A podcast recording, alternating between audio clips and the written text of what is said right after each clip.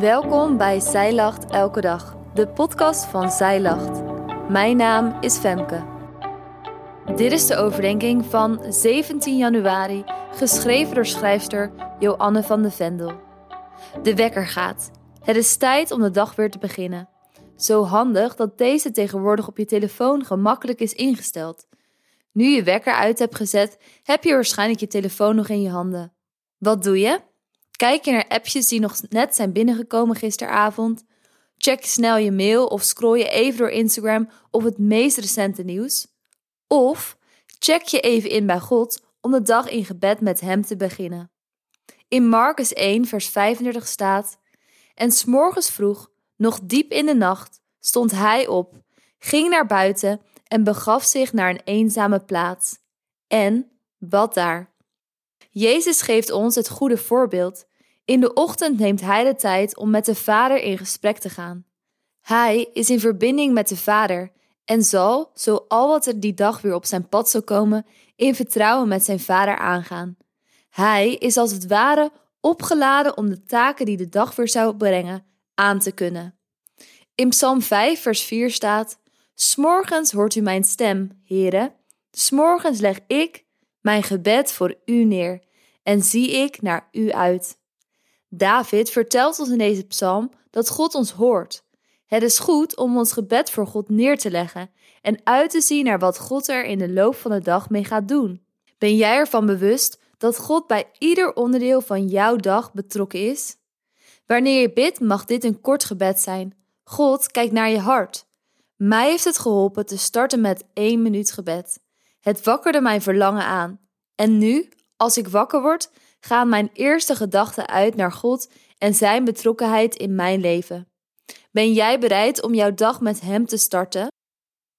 In Romeinen 12, vers 2 staat: En wordt niet aan deze wereld gelijkvormig, maar wordt innerlijk veranderd door de vernieuwing van uw gezindheid, om te kunnen onderscheiden wat de goede, welbehagelijke en volmaakte wil van God is. Paulus roept ons op om de wil van God te zoeken en niet te worden zoals of mee te gaan met de wereld. Een leven met God vraagt om innerlijke verandering. De Heilige Geest wil in jou wonen. Hij wil je helpen en vormen om de goede, volmaakte wil van God te kunnen onderscheiden. Dit betekent dat je in jouw leven gaat ervaren dat je gedurende de dag keuzes maakt in overeenstemming met de Heilige Geest. Zijn stem wijst jou de weg.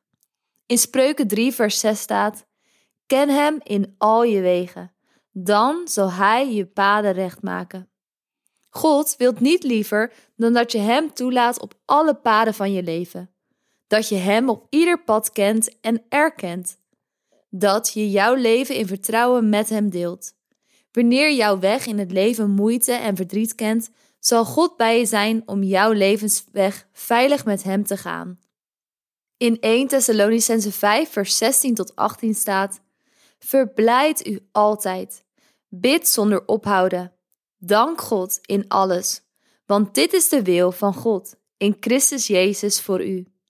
En in Filippenzen 4, vers 6 staat: Wees in geen ding bezorgd, maar laat uw verlangens in alles, door bidden en smeken met dankzegging bekend worden bij God. God, geniet ervan als je jouw dag start in dankbaarheid. Als je jouw hart en gedachten opent om te zien welke zegeningen God vandaag weer heeft gegeven. God is een gulle God. Hij wil ons graag zegenen. Zie je de zegeningen om je heen? Dat schept een dankbaar hart. Wanneer een hart gevuld is met dankbaarheid, is er minder ruimte over om je hart te vullen met zorgen. Dus start jouw dag met gebed en volg Jezus' voorbeeld. Stem af op God, in het vertrouwen dat wat je die dag ook te wachten staat, Hij met je meegaat. Lieve vrouw, zie je dat God betrokken is in jouw leven? Vanaf het moment dat je opstaat tot het moment dat jij gaat slapen. Op 14 februari start de 40 dagen tijd. In dit leesplan, Feest van Bevrijding, volg je de Israëlieten in hun reis door de woestijn van slavernij naar vrijheid. En je ontdekt samen met de eerste volgelingen van Jezus over het leven in Gods koninkrijk. Wil jij meer toeleven naar Pasen? Bestel dan dit 40 dagen tijd leesplan via onze webshop.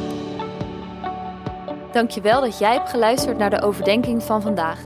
Wil je de overdenking nalezen? Check dan onze website. Je vindt er ook meer toffe dingen die jou helpen om de Bijbel vaker te openen, zoals boeken, Bijbels, cursussen en evenementen. Morgen ben ik weer bij je terug met een nieuwe overdenking. Tot dan!